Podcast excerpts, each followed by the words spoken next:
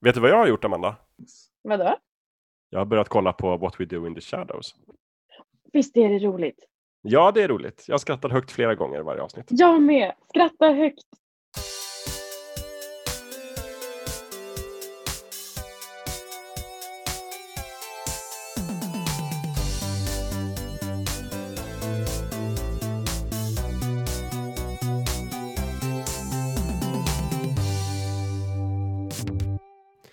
Hej och välkomna tillbaka till ett nytt avsnitt av Fulkultur, er favoritpodd från eh, oss som gör fulkultur. Kul att ha er här igen, hela gänget. Tack. Tack!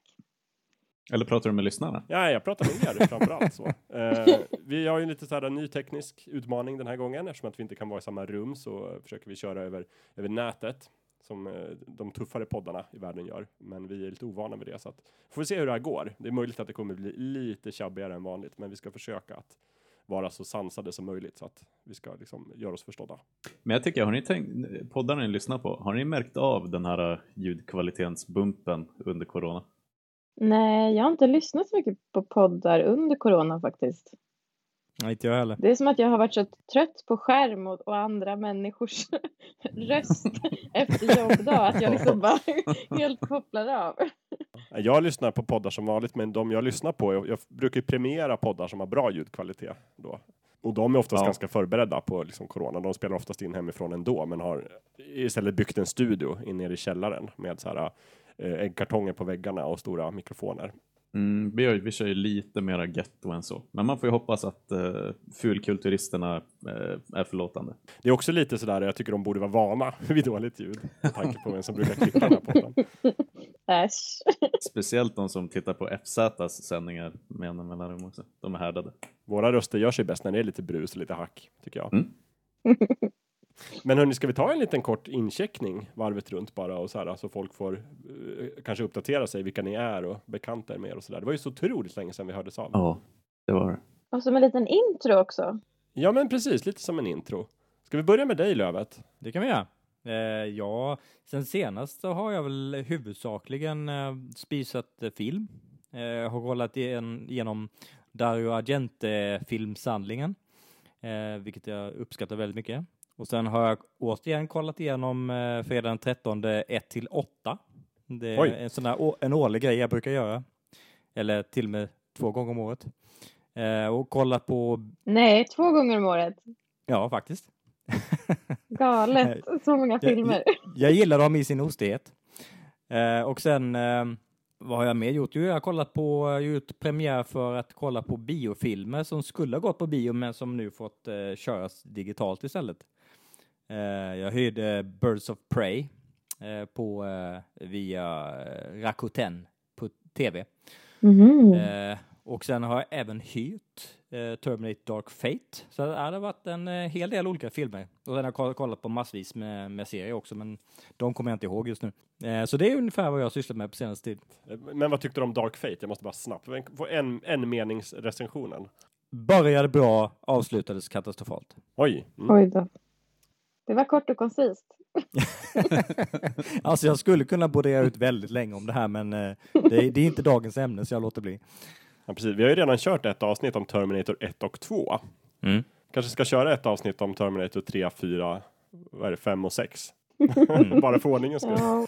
Det känns som att det kommer bli en annan ton i den. Ja, kanske li lite mindre vanvördigt. Mm. Men alltså på så sätt är väl Dark Fate ganska symbolisk att, eh, för hela filmserien. Att det började väldigt bra, slutade katastrofalt.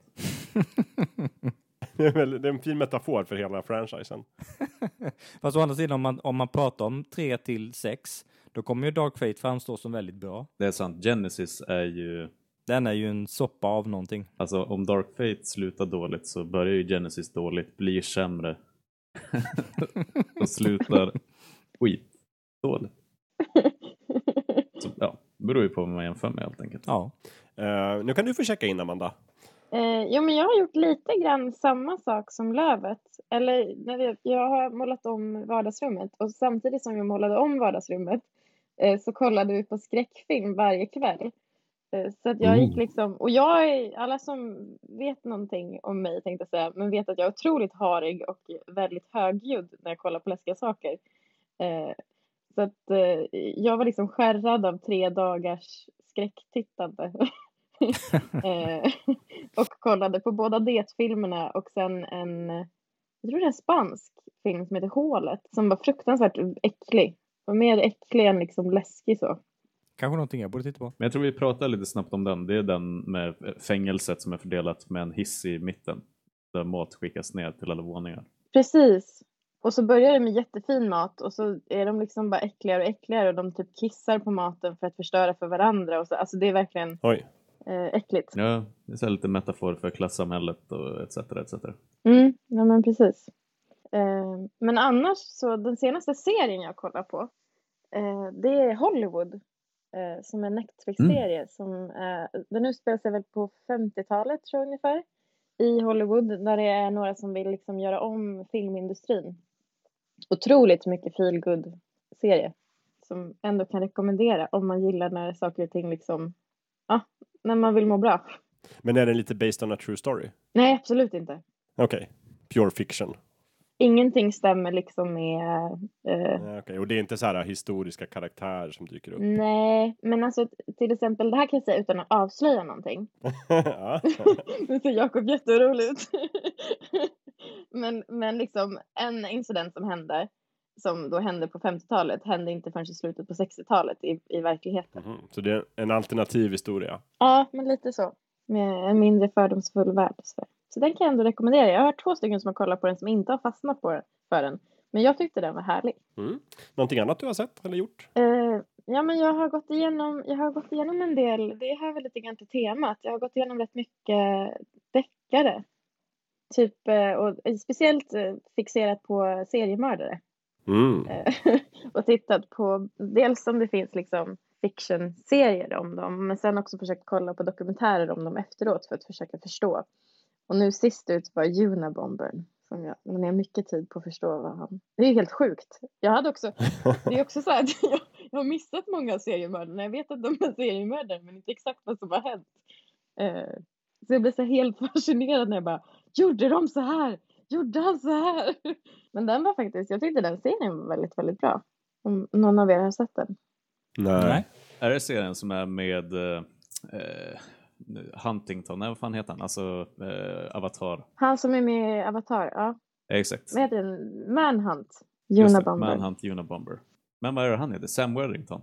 Mm, det kanske det heter. Mm. Är Eventuellt. det han som är Avatar? I Avatar? Eller det är han som är huvudpersonen i Avatar. Ja, just det. Ja. Han, som, just det. han som har en avatar. Ja, precis.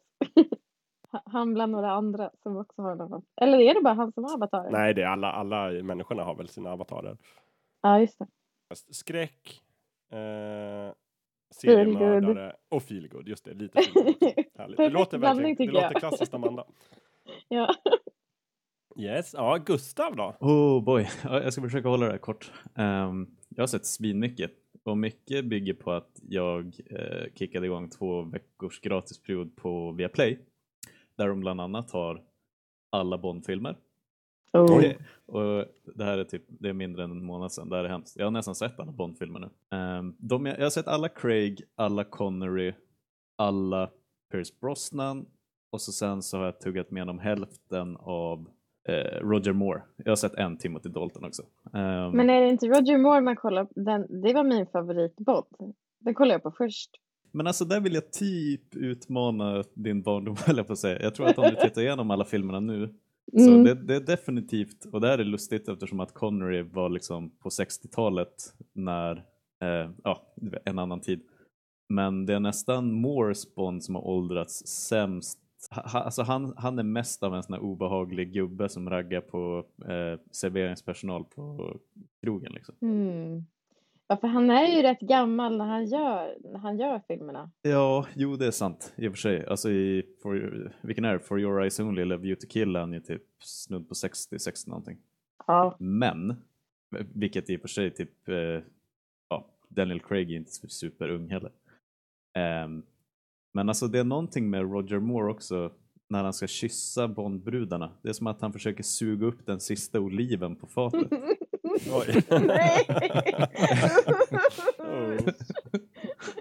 Eh, men alltså, Men fan, men annars, det, eh, den stora behållningen var att titta på eh, nästan parallellt så såg jag Casino Royale, Skyfall, Quantum Solace, alla de där. Samtidigt som jag såg eh, Connery-rullarna från 60-talet.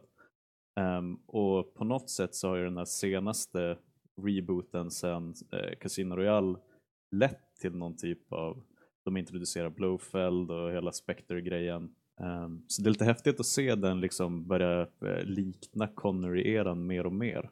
Ehm, ja, sen har jag blivit skitsugen på att spela bort alla mina pengar på Baccarat också. Ehm, det är det. Men sen är också faktiskt, det jag kollar på nu senast är att eh, Viaplay också har eh, Arkiv X, eller X-Files. Oh. Ehm, så det kikar jag om från början nu och det håller verkligen ihop bra måste jag säga. För jag såg Twin Peaks för inte så länge sedan heller. Och det är snyggt att se samma liksom rusk-mystiska känsla Ja. göras stark, fast det här är 93 liksom. Ja. Ehm, och förutom det, men det spelar lite över på eh, dagens tema så det kan jag prata mer om sen, så har jag sett supermycket det som kallas för Nordic Noir. Ehm, Oh. så här, skandinaviskt ruskkrim egentligen. Är det typ Wallander och de här? Ja, alltså det börjar väl lite där. Ehm, men det här är lite mer den här senaste, kanske post-bron, så har det ju släppts Mm. supermånga så här väldigt eh, mörka som spelar mycket på att visa liksom långsamma svepningar över tjock skog och sjöar och grejer. Mm. Och där har jag faktiskt betat av Island, Norge och nu är jag inne på Finland. Och jag måste säga att hela Norden kan sin krim. Men har du kollat någonting? Det finns någonting, vad sa du? Is, Island? Finns det någonting? Ja, eh, Valhalla Murders heter den. Okej. Är Också på Viaplay eller? Nej, det, så jag duttar runt lite på olika tjänster. Men eh, eh, kan det här vara HBO? Kanske? Jag kan kolla upp det där sen. Om vi fortfarande, gör vi fortfarande en länklista? Hur är det? Jo, men det gör vi. Absolut. Jag har breaking news vad gäller den punkten faktiskt. Vi har ju varit lite sådär... Uh, alltså vi har inte riktigt haft ett hem på det där sättet liksom. Det har funnits Nej. vår Tumblr-sida, men den var så ful. Men nu hoppas jag att vi, när det här sänds, så hoppas jag att våra nya sajt ligger uppe. Eller nya och nya. Jag hoppas att det finns en sajt där man kan gå in. Om man klickar sig in på fulkulturpodden.se så borde man Oh. komma till liksom, Wow. Fulkulturshem i webb, på webben. Där man kan hitta gamla avsnitt och länklistor och ibland kanske om någon vill skriva något eller blogga något eller sådär så kan man hitta det där. Allt kommer läggas upp på fulkulturpodden.se. Fantastiskt. Fint va? Nice. Bra, ny, goda nyheter mitt i misären. Mycket bra. Nej men så jag kollar, jag har ju i det närmaste tvingat dig nu att vi ska spela in ett Bond-avsnitt. Ja men jag är för, för jag är lite så här, jag, jag har ju alltid varit lite Bond-novis. Mhm. Alltid. Jag har aldrig sett alla Bond till exempel. Men jag har ju också nu via Play så att eh, jag ska kanske plöja igenom alla de här. Det är bara att börja. Jag har sett spridda Bond liksom så och alla med Pierce Brosnan. Och jag kan berätta för alla er 80-talister där ute att uh, Goldeneye är precis så bra som minns den. Åh, vad bra. Visst är den det? Visst är det den bästa Bond-filmen? Ja, fan. Ja. Den, alltså, den, den håller riktigt bra. Xenia on Jag top. tittade, jag tittade på alla när jag var 11, typ. Mm, jag också. Då, då plöjde jag Bond. Alltså Goldeneye var faktiskt den första Bond-filmen jag såg och det var på bio. Så Mm. konstigt var det för mig. Men jag tycker Pierce är väldigt bra i den.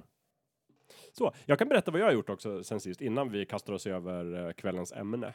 Do it! Som, om ni inte har förstått det än så är kvällens ämne då krim. Men det har ni redan avslöjat. Åh, mysrysning. Eh, nej men jag har också, precis som, som Gustav, också sett typ 2000 filmer faktiskt. Från typ 13 februari när vi fick vårt andra barn så har jag kollat otroligt mycket på film faktiskt. Både lite så här, jag passar på att beta av lite filmer som jag inte har hunnit se. Till exempel Mad Max för Fury Road har jag inte sett. Nu har jag sett Mm. den. Mhm. Jätte, jättebra. Visst var den? Det är en sån där lite karamell som jag sparat för jag vet att alla pratar om den och bara oh den är så fantastisk. Och så såg den. Maffig. Eh, väldigt maffig och fart och fläkt. Och så där, det gillar jag. Jag ska ju för övrigt få en uppföljare som fokuserar på en ung Furiosa. Mm, jag såg det. Mm. Du lät inte så. Ni vet vad jag tycker om prequels. jo, men Miller, jag tror på honom. Är det, det är samma regissör alltså? Ja. Ja, nej, men då kan det väl funka. Jag har också sett de gamla Mad Max-filmerna för att liksom fira. Eh, de håller också än idag. Och sen har jag sett eh, Detective Pikachu. Åh, visst är den gullig? Ja, väldigt gullig. Nästan lite för gullig. Nej, den är precis lagom gullig. Ja, men den är lite så här. Nej, men jag, vill, jag blev inte helt slagen i hjärtat av den, men den var helt okej tyckte jag. Jag fick ju fel där. Det finns ju till och med inspelat när jag har sagt att jag ska typ äta upp min hatt om den inte drar in två miljarder dollar. Ja, precis. Och det har den väl inte riktigt gjort.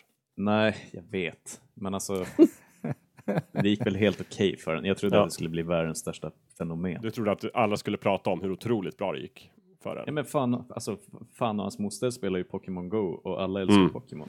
Och det var Ryan Gosling. Nej, jag vet inte, Ryan Reynolds. Ja, precis. Mm, nej, men det var en bra... Man ska sticka ut hakan ibland, Gustav. Det, det gjorde du. Mm. Men jag har också sett jätte, jättemycket kostymdraman faktiskt. Åh. Oho. De där första dagarna på sjukhuset och sen var vi på sjukhuset typ två, en vecka och då bara hade jag inget att göra på hela dagen så då låg jag bara med min iPad och kollade på kostymdraman. Eh, och vaktade en bebis. Och då hann jag se alla, dels alla jag sett tidigare, typ Förnuft och känsla, Mm. Mm. jättebra. Stolthet Mm. och fördom, både BBC-serien och långfilmen med, med Kira. Oh. Stoppa nu. Sen var det, ja, sen var det någon ny som heter Love and Friendship. Som jag inte minns vem som har regisserat, men den var också jättebra. Jag lägger in allt det här i länklistan. Den var lite mera komedi. Den var väldigt rolig. Har du sett Emma då? Den nya Emma? Nej, den har jag faktiskt inte sett, för den fanns inte på iTunes. Och just det, de gör en ny Emma också. Den har jag inte heller hunnit se. Det finns ju två sedan tidigare, tror jag. Precis, men det här är, det gjordes ju en som egentligen borde gått på bio typ nu, som man kan hyra på SF Anytime. Just det, men den borde jag kanske se då. Den var jättemysig. Jättemysig, okej, sett. då tar jag den. Men sen kunde jag liksom inte heller få nog av kostymdraman, så jag var tvungen att se Återstoden av dagen igen. Åh. Som ju är kanske en av de bästa filmerna som finns. Helt otrolig. Ja, Em- Emma, Emma Thompson och Anthony Hopkins. Förbannat bra. Jag börjar undra om jag har sett den. Åh, den är så bra, Amanda. Har jag missat den här? Den är så jäkla bra. Den är så bra. Då kan jag se den. Alltså, det är den bästa film jag vet nästan. Är det kanske, det är ett av de här fallen när det är en fantastisk bok som föder kanske en ännu bättre film. Ja, eventuellt. Jag har inte läst boken, men den fick ju Nobelpris och den borde ju vara bra. Exakt. Och sen eh, såg jag också, apropå kostymdraman, eh, äntligen, jag har inte sett den på läng- eh, förrän nu, men nu har jag äntligen sett, vad heter den, Ett rum med utsikt. A room with a view. Ah, ja, ja. Med Just det. Maggie Smith och Helena Bonham Carter. Också jättebra. Mm. En av min mammas favoritfilmer. Jag har börjat kolla på The Crown. Bra! På tal om kostymdrama. Nu är jag inne i det. Vad tycker du om den då? Jättebra. Fantastiskt bra. De, hon pratar så himla rolig engelska. Jag, jag blir liksom full i skratt varenda gång hon pratar. Men hon pratar ju så. Ja, hon pratar väl The Queen's English? Ja. Men det är liksom, det låter så roligt. Ja. Men det är ju väldigt bra. Alla är ju väldigt bra skådespelare. Det är jätte, och så himla snyggt gjord. ja, verkligen. Du, eh, Jakob, jag ska bara fylla i att eh, den där Love and Friendship, eh, den är directed av Whit Stillman och du har säkert sett hans 90-talsrullar. Det är han som gjort Metropolitan, Barcelona och The Last Days of Disco. Ja, just det. Jag visste att det var någon som var så här lite semikänd. Mm. Ja, men den var, den var fryntlig. Väldigt kul. Eh, jag skulle också bara snabbt vilja tipsa om en bok jag faktiskt har läst. Vi tipsar ju så mycket om film och tv, men jag har faktiskt börjat läsa en bokserie också som jag är helt fäst vid. Så jag skulle vilja kasta in den som ett tips också innan vi kan köra igång med, med kvällens ämne. Och då har jag börjat läsa en, en bokserie som heter The Murderbot Chronicles. Som är skriven av, av Martha Wells. Som är en jättebra science fiction-serie. Den, det är typ, det finns fyra, det är typ inte noveller riktigt, men det är typ kortromaner. De är kortare än en vanlig roman. Och nu har hon precis släppt då den femte delen som är en, en hellängdsroman. Men jag är fortfarande bara på del två. Men den kan jag verkligen rekommendera. Det handlar typ om en, inte en robot riktigt, men nästan. Alltså Murderbot, hon är typ en, hon eller han eller hen, den har inget kön, men det är lite så här olika beroende på, folk möter henne och, och drar vissa slutsatser. Det, det är en robot som ser ut som en Mm. människa, helt enkelt. Eh, och i framtiden så gör man två sorters sådana. De kallar dem för constructs. Så det är typ robotar fast med lite organiska delar. Ah. Man bygger dem av typ eh, av eh, människodelar bland annat. Som en cyborg. Ja, men lite som en cyborg, precis. Mm. Och då finns det dels finns det ju sec unit som är säkerhetskonstrukt eh, som man anlitar för att skydda folk när man ska göra farliga saker. Och sen finns det ju comfort units som är mera så här sexrobotar. Så de två typerna finns av construct. Sen finns det vanliga robotar också och typ människor och eh, augmenterade människor som har lite så här datainterface inbyggda. Så det finns lite olika blandningar på den, den skala. Men den här, eh, det handlar i alla fall om en sån sec-unit, säkerhetsconstruct. Eh, Men eh, det börjar i alla fall, hela konceptet är att, att den roboten har hackat sin egen hjärna. Så att an, annars måste man liksom göra det som säkerhetsprogrammet bestämmer åt den. Men eh, den roboten tröttnar på det, så den har hackat sin hjärna och funderar på vad den ska göra med sin frihet. Och då är den väldigt inne på att den ska döda alla människor. Oj då. Det låter ju lite så här Asimov. Ja, lite så, fast den är väldigt rolig. Men ro- roboten har liksom inte kommit sig för än och döda någon för att den, den har också upptäckt att jag kan ju också ladda ner typ alla tv-serier som finns. Så att den ligger mest och tittar på, på tv-serier eller media som jag tycker. Så det är liksom när den får en ledig stund. Och sen så går den omkring och funderar så här vad den ska göra med sitt liv och sådär. Det är väldigt, det är en lite så här feel good eh, stämning också och ganska mycket blod och död. Mycket tvära kast. Kan verkligen rekommendera. Spännande. Men det är lite som, jag har ju, det har jag glömt säga, men jag har ju kollat på senaste säsongen av Westworld. På tal om ha- hackat sin egen hjärna och så vidare. Jag tyckte, den, jag tyckte den var bra. Jag tyckte den var betydligt bättre än andra säsongen. Jag har inte hunnit mer än halvvägs i säsong tre. Oj då. Ja, då ska jag inte avslöja något. Eller det ska jag inte det. göra ändå. jag, ska, jag ska inte spoila. Men jag tyckte att det var, det var bättre spänning i den här. Ja, okej. Den är ju lite, det är en liten annan eh, stämning än i säsong två i alla fall. Mm. Ja, jag gillar den också, so far. Mm. Jag tyckte det var skönt att slippa liksom hela västern-grejen. Vilda västern. ja, tyckte det var skönt. Men hörni, ska vi köra igång med, med det stora ämnet för, för dagen? Så här, Ja, det tycker jag. In. Jag tycker också det. Vi har ju länge tänkt att vi ska göra de här, ett av de här, det jag brukar tänka på som klassiska fulkulturavsnitt, nämligen de här ganska breda genreavsnitten där vi bara tar en genre och gör olika nedslag. Och så kanske vi diskuterar, säger en och annan smart sak och sen så ger vi massor av tips på den. Det för mig är ett äkta fulkulturavsnitt. Men det var ett tag sedan vi gjorde det, men nu ska vi göra det igen. Hurra. Vi ska prata om crime, eller typ tjuv och polis som jag kallar det. Mm. jag gillar den tjuvpolis. För jag tycker också detektiver och snutar har en, liksom en plats i den här genren. Och det är ju, jag vet att det är flera olika genrer, man kan ju prata om olika subgenrer. Det finns ju så här uh, heist movies och det finns ju riktiga crime där man följer liksom mördaren eller brottslingen och det finns ju rena polisserier också där man följer poliserna. Men allt det här får falla in under det här paraplyet, tycker jag. Ja, för det är så dumt, för om man googlar till exempel deckare film, väldigt så här boomer-googling, då får man ju fram allt möjligt. Alltså, då, vad, är en boomer-googling? Nej, men- är det ett vedertaget begrepp? en sån här, en sån här, eh, en sån här dum, dum smart googling. Eh, Jaha, helt okej. enkelt. Nej, men för då, då får man fram, alltså man får dels fram alla Beck och Wallander-filmer någonsin. Mm. Mm. Eh, typ med män som hatar kvinnor. Du får även fram eh, Jokern, senaste nu. Oj. Eh, Men alltså det är ju väldigt brett så att, att börja hacka i det och försöka bestämma sig vad som är en deckare och vad som är krim och vad som är tjuv och polis och vad som är heist. Känns väl lite eh, onödigt kanske. Det är bättre att bara köra något luddigt och prata om allt som känns rätt. Mm. Ja, allt kan väl få plats i det här avsnittet i alla fall. Sen om, om någon här vill ge sig på ett försök att definiera, då är det väl fritt fram tycker jag. Men allt, eh, allt, allt sånt är tillåtet. Nej men jag tycker att vi kör igång. Är det någon som har liksom någon sån här klockren öppning? Är det någons favoritgenre eller liksom? Du sa att du hade snöat in oerhört mycket på deckare, Amanda, på sista tiden. Ja, men precis. Men jag har liksom fått revidera, för jag kommer ihåg, Jakob, för jättelänge sedan så kom du med det här förslaget och pratade om deckare och sådär. Just det, den har legat i lådan väldigt länge kan jag säga. Ja. Ja, men precis. Och då tänkte jag spontant så här, blä. jag, tänkte Okej. typ Beck, jag tänkte typ på Beck och bara, det, det, alltså verkligen hade svårt att identifiera mig med det. ja, just Eh, det. och jag har ju också i regel svårt för danska serier, så jag har ju liksom inte tittat på alla eh, danska deckarserier för att jag hatar språket. Ja, Eh, okej. så, eh, så jag liksom har inte identifierat mig som en person som gillar deckare. Men sen så ju mer jag har tänkt på det så bara, men det där är en bra serie. Och det där är en bra serie. Och så har jag liksom märkt att jag, jag, gill, jag älskar deckare. Jag älskar krim. Vad är det du älskar med det? Nej, men det är så, eh, det liksom blir en annan typ av spänning än vad det är till exempel skräckfilmer. Där man vet att man inte kommer behöva hoppa högt hela tiden. Men det Mm. suger i magen. Och man tänker så här, Mm. åh, hur ska det gå? Åh, det här Just är det. jättejobbigt. Åh, ska de möta mördaren? Åh, ska... Alltså liksom alla de där spänningsmomenten utan att behöva vara så jätteläskigt. Det var mysrysligt mer Mm. på något sätt. Ja, jag förstår. Och så fascinerande med alla, alla konstiga, eller så här, försöka förstå hur en mördare tänker. Det är väl därför jag snöat in på seriemördarna.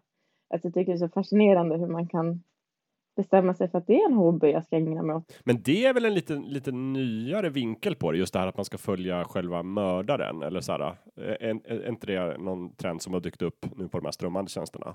Typ den där Manhunter och, jag kommer inte ihåg vad de heter, Making a Murderer, Mm. är inte det också lite sådär, det är väl mera true crime, men Ja, men sen så är det ju, det finns ju jättemånga om också han Ted Bundy. ja, just det. Det finns det ju både en film och en dokumentärserie om. Mm. Eh, och sen så är det väl hela den där, vad heter, eh, vad kom, vad kom, det var ju någon som, Mindhunter är ju en riktig sån som bara gottar ner Just sig i alla seriemördare som någonsin har funnits. Typ.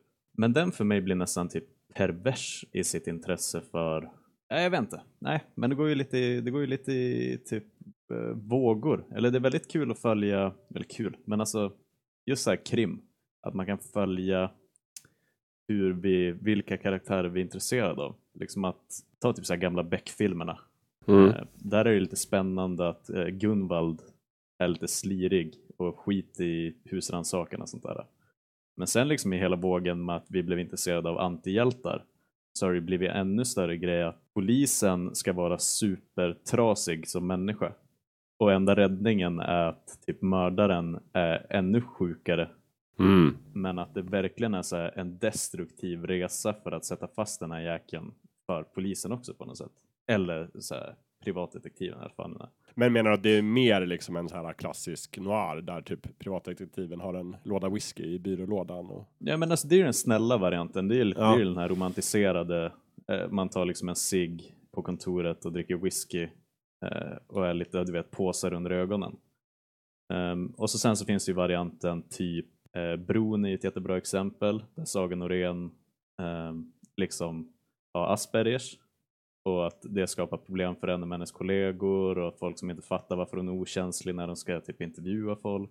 Eh, Men sen känns det som att de har tagit ett steg till i många serier att det verkligen ska vara någon som vet, har gått in i väggen och behandlar folk dåligt men de får ändå fast mördaren så det finns väl någon så här guldkant på det. Ja men också att de typ förlorar familjen. Alltså så här, du vet allting Ja. går sönder. Det är så här, de kan inte få ihop någonting. Det blir som ett beroende. Att hitta den Precis. här mördaren, att man blir så manisk att man förlorar allt och tappar greppet liksom. Mm, verkligen. Och rätt mycket att man kan identifiera sig med mördaren. Alltså att de är så här mer lika än vad de tror. Eller så vi bondar dem på olika sätt över att de i grunden är samma men har valt att eh, ta hand om det på olika sätt. Mm. Oh ja, oh ja. Vill du komma in Lövet? Vad, du, vad är din ingång på liksom crime och deckare och sådär? Du var lite mer avståndstagande när vi pratade om ämnet. Ja, alltså jag, när, när, när det kom på tal så tänkte jag att ah, men det där är, det är inte min genre, jag tycker att det är ganska kass. Men då, då hade jag i, i huvudet så här, svenska deckarserier som jag tycker är ur, urusla. Eh, svenska deckarserier och filmer. Typ Martin Beck också då. Martin Beck och Wallander och allt sån skit. Eh, men Berätta vad du verkligen tycker Lövet. ja, det är skräp. Men, eh, men sen kommer jag att tänka på, det finns ju, eh, i filmväg finns det primärt gamla filmer i, i deckargenren och krimgenren som jag tycker uppskattar. Eh, och ett fåtal nya. Och sen finns det ett helt gäng tv-serier som, som jag tycker om riktigt mycket. Eh, så att eh, jag hade av någon anledning snöat in mig i krimseriegenren som en, en svensk företeelse som jag inte tyckte om. Men eh, som, där det faktiskt finns en del jag uppskattar om man letar sig utanför Sverige. Eh, och ett, ett, nytt exempel på filmer. Eh, jag såg Knives Out på bio i fjol tror jag då. Eh, och, eh, och det är en sån här who done it eh, historia där, där du får du får följa en, en familj där eh, eh, familjens överhuvud eh, till synes eh, begår självmord. Och då har, har du familjen och husan där och familjemedlemmarna är eh, all, allmänt eh, eh blodiglar på eh, eh, familjefadern. Eh, och och då, ska, då det är den här typiska att i början verkar det som att ja, men det, det, det, är ganska, det är ganska tydligt vad det är som har hänt. Och sen så förvecklade sig och sen förvecklade sig igen. Och generellt sett brukar jag inte tycka om den sortens berättelse där du, där du ska arbeta dig bakåt. Där du får, du får se de, de senaste händelserna och sen ska du undan för undan få, få reda på eh, hur, vad, sanningen faktiskt är. Jag brukar inte gilla det, men eh, det, det är gjort så snyggt i den filmen att jag verkligen uppskattar den. Och det är ju, det är ju Ryan Johnsons film. Mm. Eh, och den här följer ju eh, hans Star Wars-film The Last Jedi, eh, vilket gjorde mig väldigt skeptisk till den filmen. Är den här lika bra? Nej, för då hade jag inte gillat den. Eh, Nej, men den, den, är, den är faktiskt väldigt bra. Och det är ju ett av få exempel i filmväg på eh, krim, krim eh, deckarfilmer som, eh, som är uppskattat. De, de senaste i filmväg jag har ju varit på, ju så långt tillbaka som 90-talet tror jag. Eh, men sen, och sen tänkte jag på eh, tv-serier som jag har, har tittat på som faller inom den genren. Och, eh, The Fall är ju en så brittisk eh, deckarserie med Gillian Anderson från eh, Arkivex som var Mm. totalt tidigare. Eh, där, där man får följa Gillian Anderson som polis i, eh, i England när hon ska eh, de, de ska utreda en, en serie inbrott och eh, strypmord på, på kvinnor. Eh, och man, man får ju hela tiden se han den här, eh, den, den ansvarige, den skyldige. Eh, får se hans brott och hans, hans familjeliv vid sidan av det här, liksom, till synes normal, eh, normalt familjeliv. Eh, och den är extremt bra skriven, eh, extremt bra regisserad och skådespeleriet är fantastiskt. Och, eh, en, av de, en av de få scener där jag verkligen har suttit som på nålar och verkligen känt ett riktigt obehag när det han den här eh, skyldige eh, eh Paul som han heter, eh, den här skyldige när han han liksom får, får mörk, mörker i blicken och, eh, och angriper. Det, det är ex, eh, väldigt ovanligt att, eh, att en, en film eller serie lyckas med så många komponenter i, i ett. Så den som uppskattar genren och inte har sett The Fall kan jag inte rekommendera den nog. Och jag tror att den ska finnas på Netflix fortfarande. Mm. Den är väldigt bra faktiskt. Väldigt mycket så här, det regnar väldigt mycket i den serien. Mycket Ja, dis. Mm, härlig detalj. Men det gör det väl i, i eh, de flesta sådana serier? Ja, alla Ja. som är på engelska landsbygden är det ju väldigt mycket också. Det är det ju väldigt mycket här. Men det är ju också typ den här The Killing. Ja, just det. Har ni sett den? Nej, jag har inte sett den. Med Joel Kinnaman. Och som är då från en remake på en, den danska serien eh, som jag inte kommer ihåg vad den heter. Den heter typ Mordet eller något sånt. Mm, den här klassikern. Ja, Eh, Brottet. brottet, exakt. Men det blev The Killing när de sålde ut den till andra land. Tror jag. Har jag för mig. Precis. Och, De berättade väl först vad den hette på danska och då förstod ingen. nej, precis. Men då tror jag att den, den där, eh, när de gjorde den i, i USA då, när de gjorde Killing, då, hade, då la de ner sjukt mycket energi på regnet. Och att så här, jag pratade med någon som, han jobbade som ljudklippare eh, för film och han var så fascinerad. Han satt och pratade i typ en halvtimme om allt jobb de hade gjort med regn och att det var så här, det var verkligen typ att när de stod nära fönstret så lät det mer och när de gick i samma tagning gick bort från fönstret så lät det mindre och att det verkligen så här, de hade lagt ner så sjukt mycket tid för att regnljuden skulle bli eh, rätt. Ja. Och det regnar typ hela tiden. Ja, men det ska man inte underskatta. Bra. Det, jag tycker det är väldigt mycket. Det, jag tycker ju att crime ligger ganska nära skräckfilmen på det sättet. Att just att, att ljudet faktiskt är ganska viktigt för att sätta en Mm. stämning. Eller som i hela den här Nordic noir-genren som du pratade om Gustav. Att just att, att naturen och omgivningen är en så viktig komponent i det också. Att det nästan blir en person. Ja, och det gjorde det faktiskt ganska... För som sagt, det är att man vill använda den här, liksom, det finns ju någonting krimmigt med att åka helikopter över en norrländsk skog och så letar de efter någon liksom, med hundar och skit. Och det var det som gjorde det lite häftigt med eh, att de gjorde samma grej i True Detective fast med typ Louisiana och den typen av natur. ehm, när de kickade igång den serien. Och att de Mm. sen tog tillbaka det i säsong två med alla de här slingrande motorvägarna i Los Angeles. Det tyckte jag var läckert. Koppla liksom ihop USA med lite mer det man ser kommer från Norden. typ. Men eh, en av sakerna som gjorde att jag också inte tänkte att jag eh, har uppskattat så mycket krim på senare tid och att jag, jag upp, har uppskattat mycket som jag i undermedvetet lägger mer i thriller och skräckgenren. Mm. Men som, som egentligen också har krimelement, typ som eh, Hannibal med Mats Mikkelsen. Jag vet inte om ni har sett den? Mm. Just det. Eh, den, har- den, har ju, den är ju, det är ju mer av en thriller, Eh, så lätt, lätt skräckserie. Eh, serie. Men det är ju också ett, ett klart krimelement i den serien. Och den lever ju väldigt mycket på snygg inramning, eh, ljud, ljudbild, eh, fantastisk skådespeleri och eh, liksom, eh, en konstant känsla av hur ska det gå? Ska de komma på honom? Hur, hur ska han ta sig ur det här? Trots att de, det pågår över tre säsonger så eh, är den känslan nästan ständigt närvarande. Eh, det, det är också väldigt häftigt hur de lyckas med det. Men hur är det med, så det finns ju också glätt, glättiga detektivfilmer och serier. Eh, typ så här Snuten i Hollywood och eh, alla de här liksom, eh, vad heter de? Alla sådana detektivserier, typ med New York, poliser och sånt där. Haw- Hawaii Five-O. Eller Miami Vice. Nej! Ja. ja, men alla de där liksom så här, nu ska vi läsa mordet och så får man se så här, så här gick det till och så använder de jättemånga konstiga tekniker som man bara, ja det där finns ju inte. Men du tänker på NCIS och Ja. C, C, vad heter det? CSI Miami och de här. Alla, ja just det. Mm. Det är en helt annan typ av krim. Ja, det är det verkligen. Och jag har aldrig riktigt sett dem, för jag tycker att de verkar inte överhuvudtaget tycka att det är viktigt med karaktärer.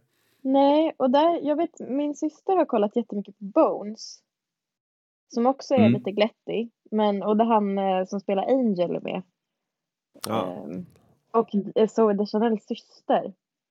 De två är liksom huvudpersonerna. Vad heter hon? Jag kommer inte ihåg vad hon heter, men någonting med Okej. Chanel. Okej.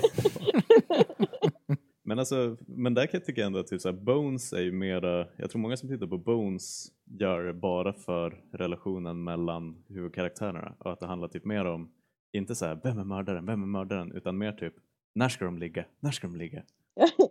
Ehm, så att det var mera typ krimmet eh, och mordhistorien är mera typ ett, eh, ett fordon för eh, relationerna. Det hade lika gärna kunnat vara liksom Cityakuten men nu råkar det vara eh, mord liksom. Ja, precis. Och det finns väl en hel uppsjö sådana serier där det liksom så här, det här Ja. hade egentligen kunnat vara en annan serie. För jag tänker mig att det finns en skala liksom om man, om man tänker det här jätte, jättebreda crime-begreppet som vi använder i det här avsnittet. Så finns det ju där det, där det handlar väldigt mycket om mysteriet eller mordet eller plottet eller brottet. Mm. Och både där man liksom, och så finns det där det handlar mycket om antingen mördarens eller polisens huvud eller psyke. Att man liksom, det handlar om karaktärerna. Och sen finns det alla blandningar däremellan. Typ som Vem satte dit Roger Rabbit? Och skitbra deckare. Det finns ju jättemycket filmer där de har blandat in lite crime eller lite detektiv. Fast det kanske egentligen inte är en sån. Men Roger Rabbit är ju en ganska, det är, om man kollar så här genremässigt så är det en ganska klassisk detektivserie. Fast det råkar handla Mm. om tecknade figurer. Vilket jag tycker är Mm. genialt.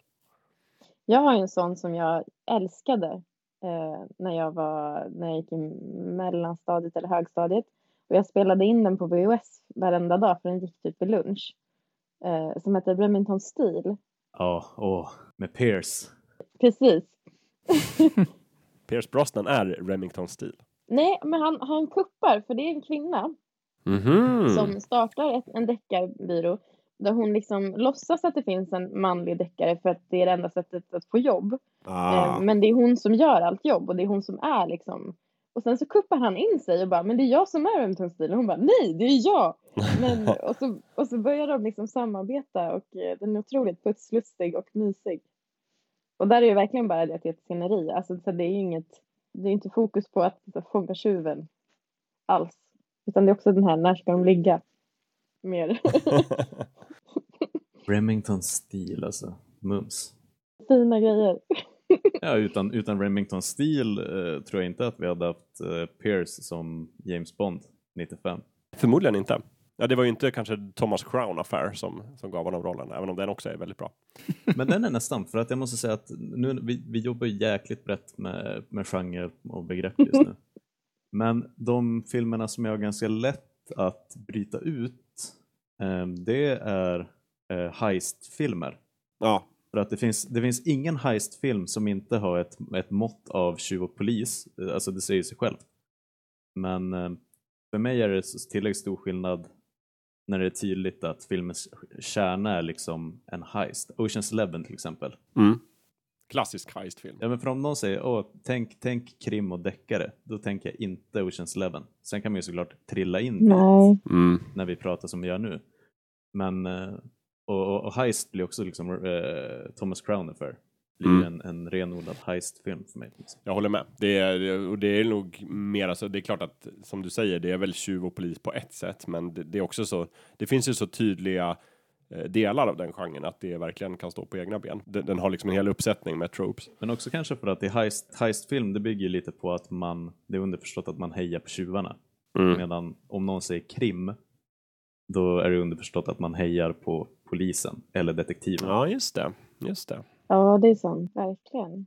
Men är det inte också lite grann med high, eller det beror på vilken det är, men jag tänker mig som med Oceans Eleven och 12 och de där, så är det ju inte så mycket fokus på eh, relationen polis och tjuv, utan det är ju mer att de, de ska bara lura systemet och sen så får man Mm. ju inte följa eh, så här, polisens sida och hur de försöker lista ut det, utan det är ju mer som att de bara inte är så närvarande. Nej, precis. Nej, men jag, jag tänkte på det nu. Jag tror inte ens att det finns några poliser i Oceans Eleven. Nästan inte i alla fall. Kanske i slutet. Eller hur? Men det handlar ju framför allt om, om det här härliga gänget med inbrottstjuvar som man tycker om att heja på. Och sen det här, de riktiga skurkarna som är typ den här korrupta miljonären och som är oskön. Som de ska råna. Vill ni ha två exempel då eh, som eh, gör tvärtom? Gärna. Eh, för det första så stämmer ju Thomas Crown Affair in bra, för den handlar ju verkligen om relationen mellan Pierce Brosnan och eh, René Russo. Just det, det är sant. Det är hon som ska avslöja honom. Med. En väldigt erotisk film på så sätt. Alltså sexscenen i den filmen håller ju på lite för länge kan jag tycka. Ehm, Som man blir lite obekväm med. och den faller ju också in, nu ska jag inte spoila för mycket, även om det är en gammal film, men den faller ju in på det här, ehm, ska tjuven då i slutändan välj, välja han liksom heisten eller välja han i det här fallet liksom kärleken? Mm. Och det är så här, du vet den här walk away grejen. Ja. Men de två filmerna som jag skulle ta upp var, eh, jag börjar med den enkla. Och det är Inside Man med Clive Owen och eh, Denzel Washington. Eh, för där hejar man ju på något sätt både på Clive Owen som rånar banken och man hejar också på Denzel Washington som är polisen på andra sidan. Eh, men det är också, det är ju en heistfilm liksom. Det handlar om att råna, hela filmen handlar om att de rånar en bank. Och så sen den som hamnar någonstans mellan polis och tjuvkrim och heistfilm för mig är eh, Michael Mann-filmen Heat som också handlar om ett bankrån. Men där är det ju verkligen, och den är ju speciell för att hela filmen handlar ju väldigt mycket om att eh, tjuven Robert De Niro och polisen Al Pacino och de har inte mötts i en film på det sättet. Det gjorde de inte ens i Gudfadern liksom. Eh, men den för mig hamnar liksom i mitten av heist och krim. Så nu säger jag nästan emot mig själv. Men eh, den är speciell på det sättet. Men det finns väl alltid blandningar. Alltså om man har en, om en genre finns tillräckligt länge så kommer den ju snart att blandas ihop med en annan genre. Så att du, du har ju inte motbevisat det själv. Du har bara ge- gett undantaget som bekräftar regeln skulle jag säga. Men om jag får fråga er tre en fråga. Så vi kan köra i turordning. Om ni bara blundar ögonen och jag säger eh, typ deckarfilm. Vad tänker ni på då? Eh, jag tänker nog på Vertigo. Eh, Hitchcock-filmen. Eh, Studiebrott tror jag det heter på svenska. Eh, det, det känns i, i mitt sinne i alla fall där genren börjar för, för min upplevelse av, eh, av genren i alla fall. Eh, sen finns det ju äldre filmer som är bra än den, men eh, det är lite där det börjar för min del i alla fall. Med eh, James Stewart va? Ja, eh, och eh, vad heter hon, Kim Novak? Ja, inte omöjligt alls. Ja, den är bra. Det, ja, jag tycker den är väldigt bra. Den, eh, den är allmänt uh, uppskattad som en av de bästa filmerna någonsin. Jakob, Amanda? Ska du börja Jakob? Ja, jag kan börja. Jag tänker också på en Hitchcock-film faktiskt, spontant. Roligt. Eh, Fönster mot gården. Åh. Mm, den är bra. Kanske inte egentligen så här, jo men lite, men jag ska inte spoila den för den är så himla bra. Men, men bara liksom upplägget sådär, just att för mig är deckare så här så mycket att den, det handlar om, om planteringar för publiken, att man så här presenterar små detaljer i filmen först och som man sen knyter ihop liksom i slutet och det gör de ju verkligen i Fönster mot gården. Så att eh, om man, om man tänker kanske deckare mindre men, men crime. Jag måste också bara säga att det hedrar dig att du verkligen du lever som du lär. Att du vill inte ens spoila en film som kom 1954. Nej men, ja, upplevelsen är ju allt tänker jag. Det är så jäkla fint av dig. Det är nog många som inte har sett den faktiskt. Ja, nej det är sant. Jag skulle inte alls vara lika rädd för att spoila till exempel Star Wars från 1977. Den tänker jag de flesta har nog sett. Mm. Alltså. Ja, Men uh, Fönster mot gården är nog kanske en liten doldis idag. Också med James Stewart och eh, Grace Kelly. Mm. Tror jag att det är. Underbar film. Underbar film. Amanda?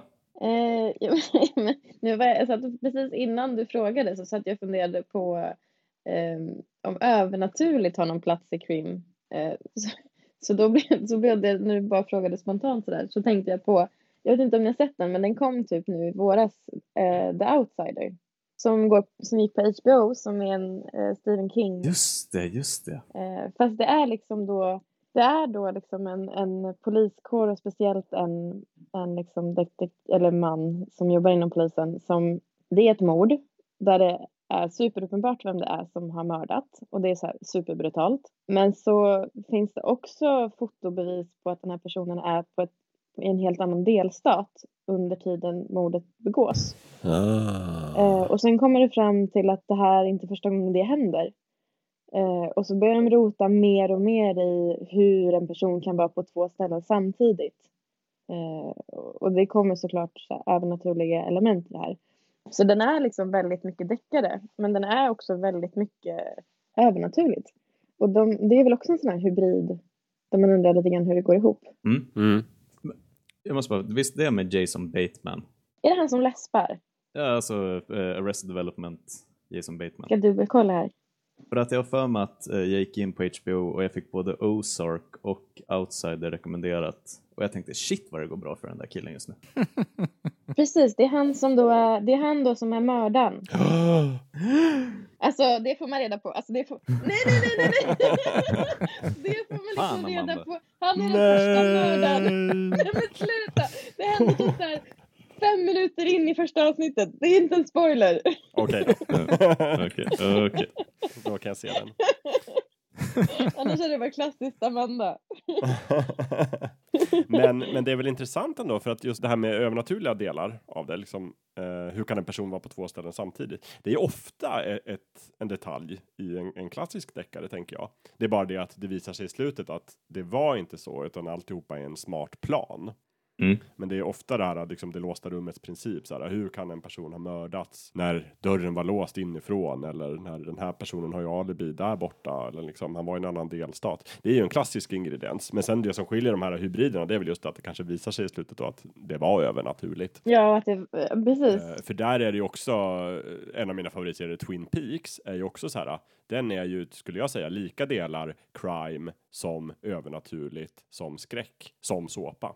Vilket gör, är det som gör den så briljant. Ja, Och lite komedi. Och lite komedi, ganska mycket faktiskt. Ja, Så att de blandar ju verkligen och, och plockar liksom hej vilt. Och det kan jag tänka att det berikar ju lite de delarna också som är crime. Att det berikas av att en hel del av, av det här mysteriet är totalt oförklarligt och utspelar sig typ uh, The Black Lodge. mm. Får- jag koppla an till en grej på just Twin Peaks? Ja. Ehm, för att eh, jag, tänk, jag tänker så mycket på det där eh, att musiken i Twin Peaks är ju lika delar den här eh, smöriga eh, såpopera-musiken. Mm. Ehm, men den använder också jättemycket den här eh, nu ska vi hitta ledtrådar-musiken. Ja. Den, det finns ju en cue Ja. i Twin Peaks som kommer oftast. Exakt. Men liksom, så fort någonting spännande händer. ja verkligen. Ja, och så sen är det den där, eh, precis, men även den här lite, lite så här, eh, funky musiken, typ alltid när Audrey dyker in i bild. så Ja, kommer just det. Så här, boom, boom, boom, boom, boom. Mm. Ehm, och det känns på något sätt, typ om man, om man kontrasterar det, oh, vilket löjligt ord, men om man jämför det med typ eh, Nordic Noir nu som jag har gafflat på om. Där används musiken egentligen bara för att eh, typ förstärka sorg och missöde och Mm. misär. Och typ eh, någons mamma har dött eller det här har hänt. Och att det inte är den här eh, Agatha Christie-grejen eller typ Ture Sventon för den delen ett skitbra exempel. När Mm. musiken används för att så här, nu ska vi typ hålla- Dust for Fingerprints-grejen Mm. på något sätt. Jag vet inte om ni hade någon kommentar på det? Nej, men jag tycker att det är, det, det är väl en, också kanske kopplat till det här som vi sa tidigare om att, att ljudbilden är så himla viktig i deckare. Mm. Att den signalerar också vad det är för typ av deckare, typ så här, ja men som i Nordic Noir, stämningsskapandet är liksom A och O. Det är nästan lika viktigt som plotten eller som, som manuset. Mm. Och så är det väl kanske också i Twin Peaks tänker jag. Det även om det kan vara väldigt roligt att lista ut hur saker och ting hänger ihop eller fundera på det i alla fall så är det ju i grund och botten är det, ju- handlar det om stämningen som sätts genom både musiken och liksom de här fantastiska vyerna och fotot och, och konstiga saker. Ja, jo verkligen. Och så är det ju ganska många deckare, definitivt i, i Nordic Noir. Jag skulle säga det är det de lever på. Det och ha typ så här trasiga huvudpersoner. Det är väl det som, Ja. som Norden har tillfört deckargenren. Men en, en fråga lite grann på det här som du var inne på Jakob. Vad, är, vad tycker ni är liksom, vad är kärnan i deckare för er? Vad är det som gör att ni tycker att det är så bra? Hmm. För mig, om jag får börja, så när jag var yngre så det jag fick upp ögonen för först var ju liksom de här klassiska Agatha Christie-romanerna och Sherlock Holmes-romaner och även på tv då den här eh, härliga Sherlock Holmes tv-serien som gick på, på BBC. Och även en massa filmatiserade Hercule Poirot-filmer. Och där är det ju verkligen alltså pusslet som är det centrala. Hur liksom Mm. författaren eller, eller regissören lägger ett pussel för publiken som man ska försöka lista ut tillsammans med huvudpersonen och gärna lite innan då så att man ska känna sig smart och att man ska få så här ledtrådar i om det är en bok i texten eller om det är en film då i, i bild och sen så ska man liksom man, man kan liksom så här på lågvarv kan man liksom lista ut mysteriet för man vet ju att man kommer få det tillsammans med huvudpersonen. Men man kommer ges ledtrådar på ett väldigt så här uttänkt sätt så att man ska få känna sig smart i precis rätt ögonblick så att man vet så här ah, nu vet jag vem som är och sen ska man bli Just det, så man kan få en riktig aha. Ja, men precis, och sen ska man också bli lite förvånad och chockad och sådär. Det tycker, för mig är det klassisk deckare. Mm. Och det är nog det som tilltalade mig mycket, tidigare i alla fall. Ja, kan, då kan jag följa upp på det, för för min del har det inte varit det där med att, att, eh, att följa någon slags eh, någon röd tråd och, och försöka känna sig, att känna sig smart för när man luskar ut hur det, hur det egentligen ligger till. Vem är mördaren? Vem är mördaren? Det är så här, Mm. eh, inte jätteintresserad av det. Det är väl eh, Knives Out som är ett, ett, nytt exempel på, eh, Mm. som är ett undantag från det. Men annars har det, har det främst varit filmer som, som lyckas etablera en, en, en spännande stämning och eh, där man, där, ofta där, liksom där, man, där man vet väldigt tidigt vem som är skyldig. Men de runt omkring eh, gärningsmännen vet inte om det. Eh, och och då, då får man liksom följa hur de, hur, hur de lyckas hålla, hålla sig, sitt, sitt brott eh, hemligt. Eh, trots att de har eh, massa folk runt omkring sig. Eh, nu kommer jag att tänka på en annan Hitchcock-film bara för det. Eh, har ni sett Repet? Nej. Nej. Också med Stewart va? Jajamän. Såklart. Hitchcock gillar stort. Nej men det, det är, det är en, eh, och det är ingen, ingen spoiler, det, filmen börjar med det. Att eh, det är två kompisar som, som stryper en, eh, jag för mig, kommer inte ihåg om det är en främling eller om det är en annan kompis. Och så ska de ha en middagsbjudning med, med massa vänner som kommer på besök. Och då gömmer de den här eh, döda människan i typ en koffert eller någonting, eller vad det är, eh, länge sedan jag såg det nu. Eh, och sen får, får man följa när de har den här middagsbjudningen och den här döda pe- personen finns i kofferten hela tiden. Och de här besökarna kommer liksom närmare och närmare att avslöja de här två individerna. Mm. Men de, de, liksom, de lyckas inte, de lyckas komma undan eller hålla det, hålla det hemligt med, liksom, med lite marginal hela tiden.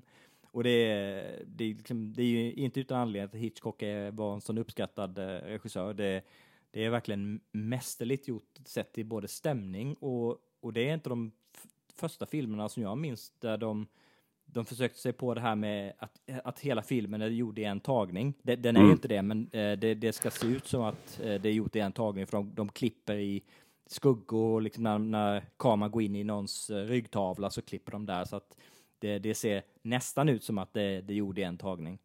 Eh, och och, och, och den, den är ganska si- signifikativ för vad, jag uppskattar med, om man ska, om man ska prata renodlade kri- krim, eh, detektivfilmer, så då, då den, den sortens berättelse där man hela tiden vet vilka som är skyldiga, men man får se hur de lyckas hålla sig eh, borta från att bli påkomna eh, hela tiden. Det, det tycker jag är fantastiskt häftigt. Just det, då blir det lite mer spänningsmomentet.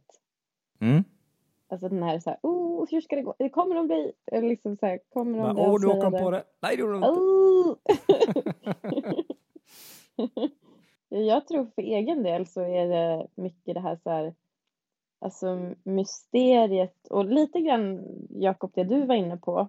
Men Mm. kanske mer än att man vänder, alltså det där traditionella Poirot eller Agatha Christie liksom upplägget. Att det mer är den här så här, att man får följa detektiven mycket närmare och får vara med i resan. Och så här, speciellt om man också får, eh, man får skymta vad mördaren gör. Ja. Eh, men man får aldrig se den. Och sen också liksom, finns det något så här, då eftersom att jag har snöat in på de här seriemördarna, för mig är det också ett mysterium hur man blir så.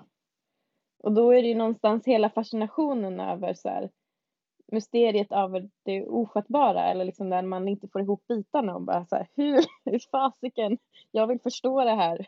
Mm. Eh, de bitarna tror jag är det som lockar mig mycket. Eh, och för mig är det tveklöst uh, Morden i Midsummer. Det är min barn, barndom att springa, ropa till kompisens mamma, vad är klockan? Hon säger ja den är fem i nio. Och så sen så rusar jag hem, doft av hägg och siren. Och så när man kommer hem så hör man intromusiken till uh, Mm. uh, Morden i Midsummer.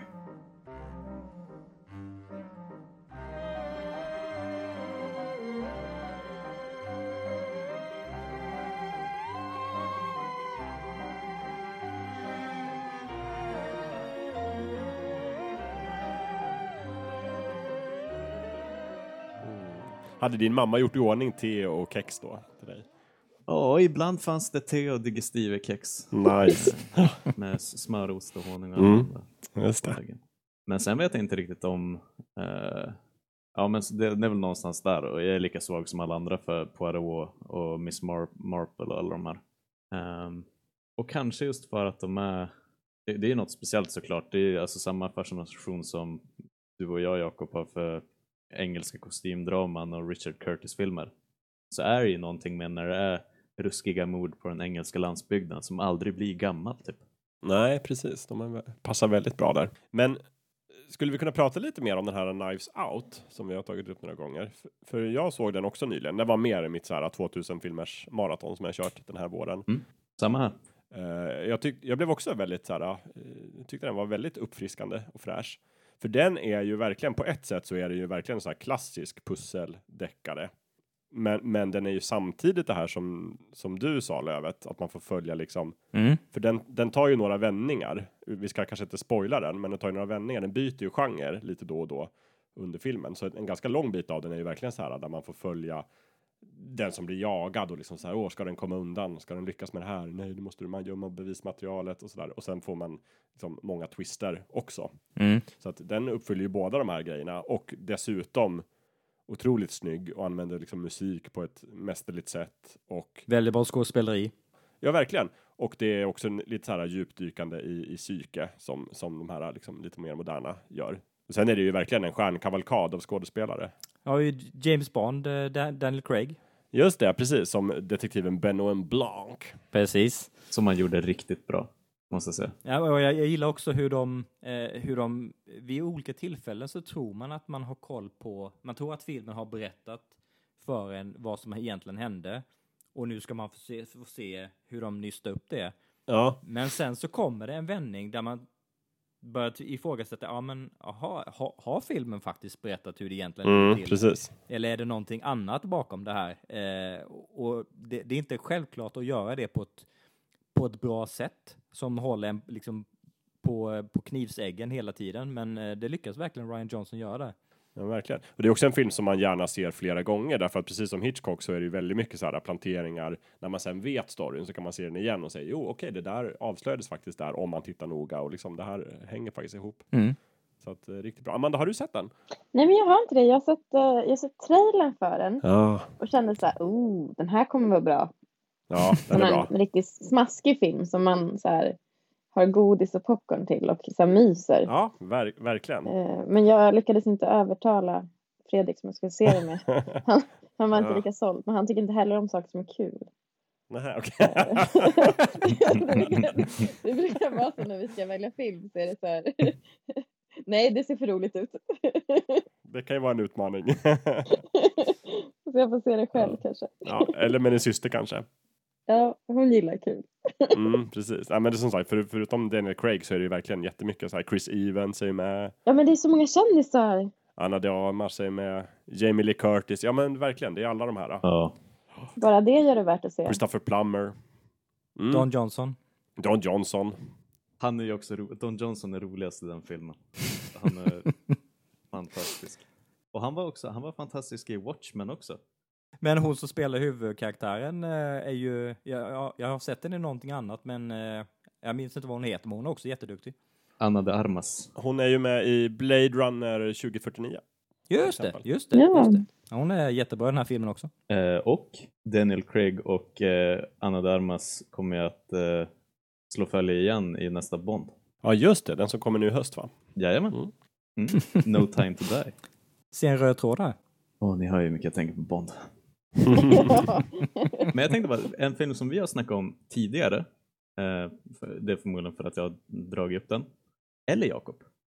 Eh, den påminner väldigt mycket om Knives Out för att det är en sån who done it film på en herrgård och det är ju Gosford Park. Just det. Åh, superbra. Det var ett av mina jultips. Right, så var det. Mm.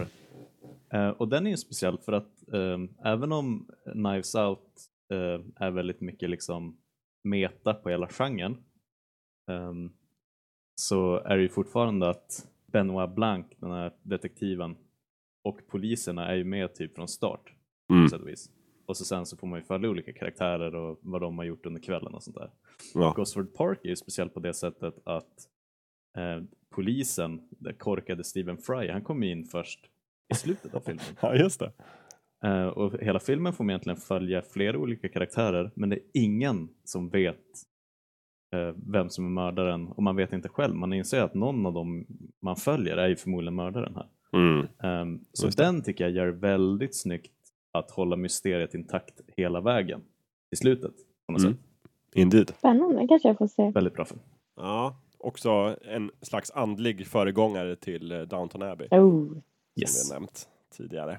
Men en, en jätteviktig fråga, nu när vi pratar om sånt. Alltså, Cluedo hatar ju de flesta. Eh, Men det är ju egentligen den här, det är egentligen en klassisk version av, av hela den där liksom pussel. Eh, hur, hur känner ni inför Cluedo? Du menar brädspelet Cluedo, inte Ja. filmatiseringen av brädspelet av Cluedo? Nej precis, för det var väl en, det var väl något som gick på typ TV4? Ja, nej, det fanns en tv-serie också som var typ en tv-lek som hette Cluedo. Ah. De har också gjort en, en legit eh, långfilm på Cluedo. Ah, det, Visst, Med, med Tim Curry va? Just det, med Tim Curry. mhm. Nej jag menar brädspelet. Eh, jag tycker att det är ett ganska dåligt brädspel, men man kan ju ha roligt ändå. Det var diplomatiskt. Är det den här klassiska man får så roligt som man gör sig? Eller? Jo, men så är det lite. Men ja, det är mest för att jag oftast vinner Cluedo när jag spelar som jag tycker det är roligt. Men, så här, sp speltekniskt så är väl problemet att om man vet hur man ska göra så kommer alla vinna exakt samtidigt. Och när man har spelat Cluedo några gånger så har man lärt sig exakt hur man ska liksom gå tillväga så att väldigt systematiskt kan man liksom lista ut mördaren. Eh, men det är ju som vi har talat tidigare om i det här avsnittet så är det ju väldigt mycket stämning i Cluedo och det kan jag verkligen tycka om. Så att eh, jag tackar aldrig nej till en omgång Cluedo. Det är ju bra. jag gillar ju också Cluedo men jag brukar få höra att det är det tråkigaste spelet som finns. Ah, Monopol är fan tråkigare. Ja, Ett bold statement, men eh, Har, har ni förresten sett eh, eh, eh, mordet på Orientexpressen, den här nya versionen? Ja, ja. Kenneth Branagh, Med Daisy Ridley. Vad tycker ni om den? snygg mustasch. ja väldigt, väldigt prydlig mustasch. Det är som, det är som ett tvåvånings eh, så här, hus typ fast i mustaschväg. ja, Helt otroligt. Eh, Men det var väl väldigt mycket, rätt mycket yta Eller den var ju liksom häpnadsväckande så, så den kanske inte var... Jag vet inte, jag har ju lite svärare för det där glättiga. Jag gillar mer när det regnar hela tiden. Det var för lite seriemördares psyke. Ja, precis. Ja, men jag, jag håller med Amanda, den, den var inte så minnesvärd. Det är liksom välproducerad, men jag kan, kan inte för mitt liv komma ihåg särskilt mycket detaljer från den. Nej, och de blir liksom lite farsiga på något vis. Men jag måste säga, för det är ju också en brutal ensemble i den filmen, precis som i Knives Out. Mm. Eh, för att inte tala om originalrullen med Sean Connery och alla möjliga. Eller om det är det mordet på Nilen. Ja, skitsamma. Men eh, folk ger ju Johnny Depp ganska mycket skit för att han har varit ganska oinspirerad ända sedan kanske Pirates 3. Ehm, men jag tyckte ändå att han var typ den jag tyckte att han gjorde ett bra jobb i Orientexpressen. Mm. Det gjorde han verkligen. Det kan han få. Jag minns knappt hans roll- rollprestation heller, så inte sägande var den faktiskt. Ja, jag minns inte heller att han var med. Det är, det är han som blir mördad så han är ju inte med Jaha. det kan bli bra sak. su- superlänge.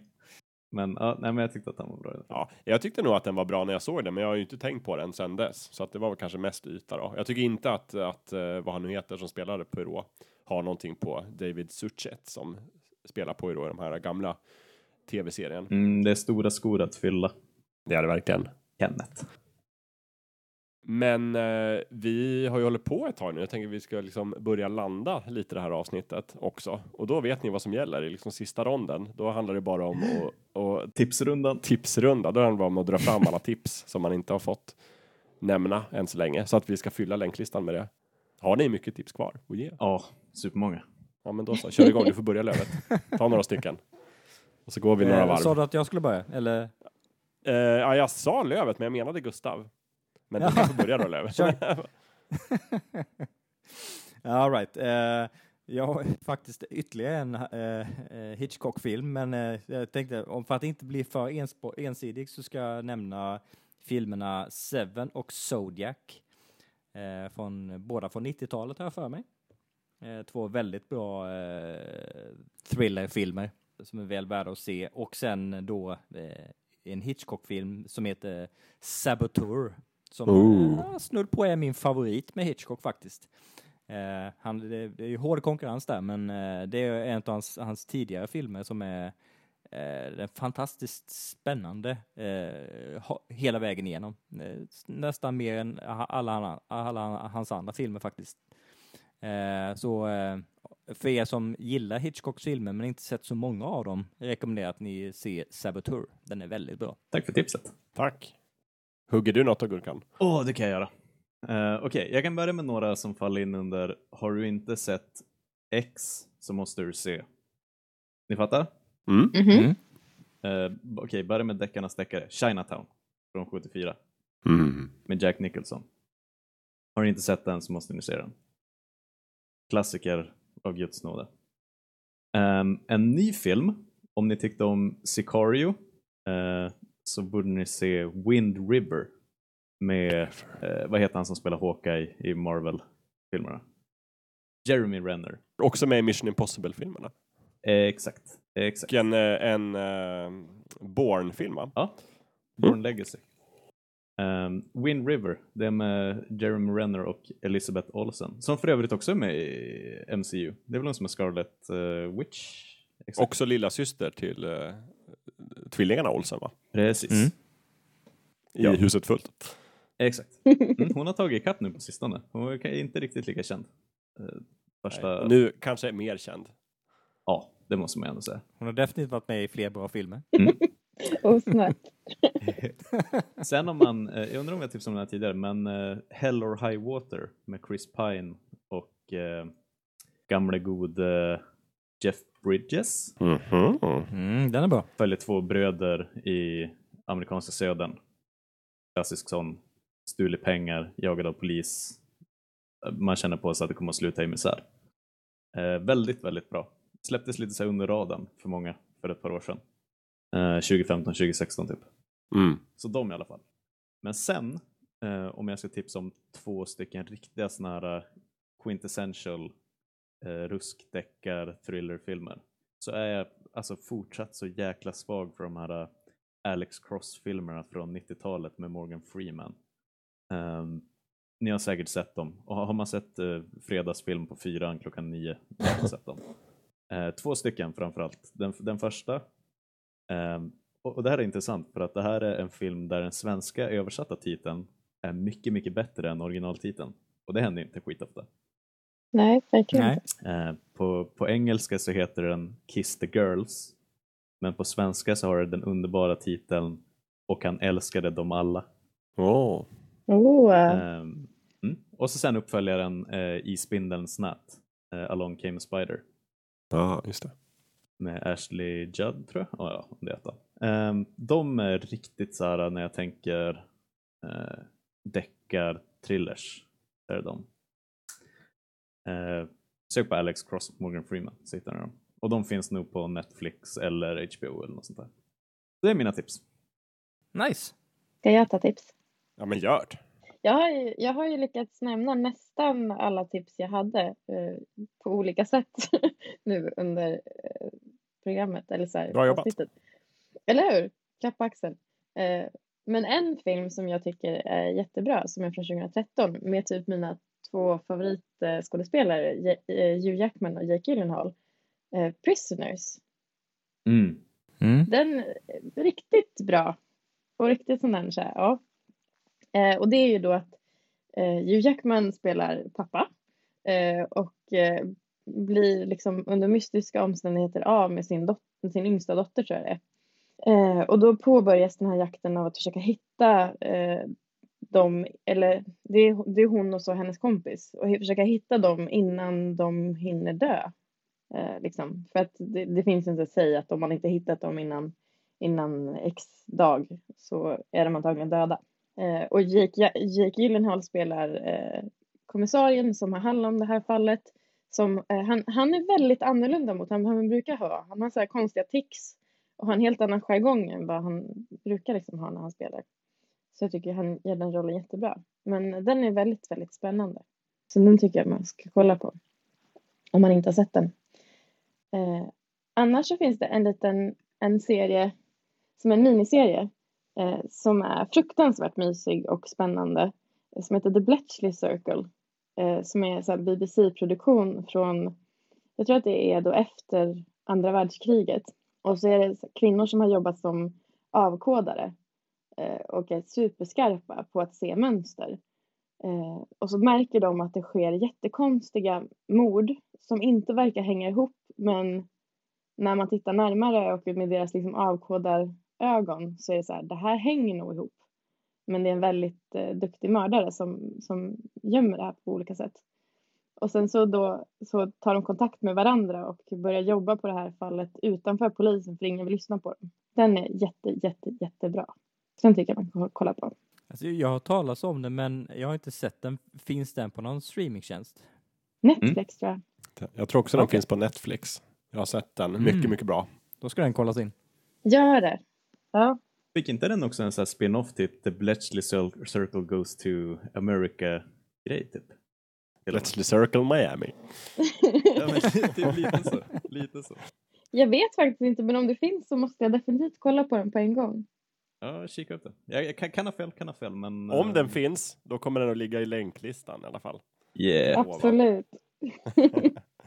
Mm. Ska jag ta några tips också då?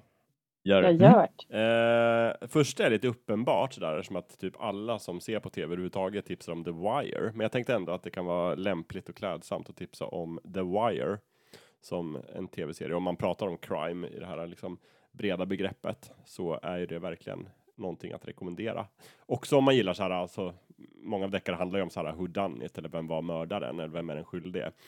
I The, I The Wire så är det ju väldigt mycket så här, vem är den skyldige? Ja, det är systemet, det är samhället. Och, och man får ju följa det liksom i varje säsong. eh, Får man se en ny aspekt av samhället i, vad är det, Baltimore tror jag, något där. Ja. Och första serien är ganska så här straight forward. Första säsongen är ganska att det handlar om liksom droghandeln i förorten och man får följa polisen och man får följa liksom skurkarna. Och sen andra säsongen så får man dra dem in liksom hamnområdet. Sen tredje minns jag inte, men det kanske är politiken och sen får man följa skolan och så får man följa media i varsin säsong och liksom när det är slut så vävs det ihop väldigt tydligt då att allting hänger ihop och liksom effekter ger effekter i andra områden och sådär. Det är väldigt fascinerande och spännande och man blir väldigt så här, man känner sympati med alla och avskyr alla och sådär. Så att jag tycker den är väldigt bra. Den funkar på många nivåer också. Man kan ju se den som en ganska vanlig så här, snutserie om man vill eller som en så här, eh, skurkserie. Men eh, jag tycker att den är något av ett mästerverk faktiskt. Finns på HBO. Och sen tycker jag också att eh, filmen Fargo är en klockren crime-film med en lite så här Mm. lustig ton. Alla bröderna Coen och även tv-serien Fargo som jag tror vi har tagit upp flera gånger i Fullkultur. Så den kanske vi inte behöver ta upp igen, men tre bra säsonger finns i alla fall. Och sen mitt sista tips är en tv-serie som gick på eh, ettan när jag var liten som heter Barnens detektivbyrå som jag tycker är en Mm. jättebra detektivserie. Handlar om fyra ungar i förorten som startar en detektivbyrå och löser brott som, som till exempel, vem är det som stjäl hundarna i förorten? Så här, när eh, damerna binder fast hunden och går in och handlar så är hunden borta. Eh, Hund, stöldligan avslöjar de. Och typ spraygänget försöker de sätta dit i något avsnitt. Och även så här, vem är det som stjäl grejer på skolan? Sådär. Ja, väldigt bra och eh, kul. eh, Mycket bra skådespelare och sådär. Går den att se? Lite svår att få tag på idag, men den finns ju inte. Jag har första säsongen på DVD. Men jag har tyvärr inte fått tag på andra säsongen än så länge, men jag letar efter den varje dag. Så att eh, någon dag kanske. Eh, minns ni Snoken? Ja. Mm. Vad, vad tyckte ni om det? Ja, men den var väl bra. Den finns ju på Öppet arkiv nu. Det Mm. var väl en sån här serie, jag har inte sett om den direkt. Jag såg något avsnitt lite grann bara för att liksom känna på stämningen. Och tror kanske inte att den håller riktigt noga. Men den, den, jag minns den som så här väldigt bra. När jag var liten och liksom precis började titta på liksom vuxen-tv så tyckte jag den var jä- jättebra. Ja. Ja, jag, jag har inte sett den sedan jag var liten så jag har väldigt, väldigt vaga minnen av den men eh, jag vill minnas att jag tyckte om det i alla fall på den tiden. Mm. Kanske får gå till öppet arkiv och eh, uppdatera intrycken. Var det inte väldigt mycket så här i snoken att det alltid var två fall som han jobbade med parallellt och sen så visade det sig att fallen hängde ihop? Jo, jag för mig det. Och att det blev lite sökt i slutet, men att den bygger mycket på stämning och, och känsla, sådär som många svenska serier gör. Jag minns bara att han, att han, hur var det? Han bodde på en båt va, med en hund. Jajamän! Mm. Ah, det känns som att det nästan ringer en liten klocka för mig också. Men det är typ allt jag minns. En hund som spelades av hunden Turbo, som är kanske SVTs mest kända hund. Men hade de en, hade de en blå folka också? Eller något sånt där? Kanske i något avsnitt, Eller någon inte. sån här skå, skåpbil? Nu tror jag du tänker på Barnens detektivbyrå. Nej. Jo, för där var det ju, deras kompis var ju liksom Walter och han bodde ju i en skåpbil och han hade en hund. Så att alltid när de behövde en vuxen som skulle typ klä ut sig till någon och, och, och liksom för att sätta dit skurkarna så fick ju Walter klä ut sig. Och det var också bra att han hade en hund om det kom skurkar. Det kan det inte varit, för det var mamma och pappa tittade på den här serien. Och då Ja, var det en detektiv som hade, han drack mycket, han drack en del whisky. Han hade en hund som bruk, brukar hjälpa, eller ja, inte hjälpa honom i fallen, men han var med. Han hade en trenchcoat och han hade en gammal folkabuss. Men det kanske inte är snoken då. Eh, Alltså det kan vara Snoken, men jag minns ingen folkabuss. Han bodde framförallt på en båt. Men du får fråga dina föräldrar om de kollade på Snoken. Ja, jag ska dubbelkolla. Och sen får du kolla på Snoken då på öppet arkiv och se om, det, om du känner igen någonting. Ja, Om du hittar en folka. Då vill definitivt. jag ha ett screenshot och så lägger vi Ja. in det i länklistan. Det kommer.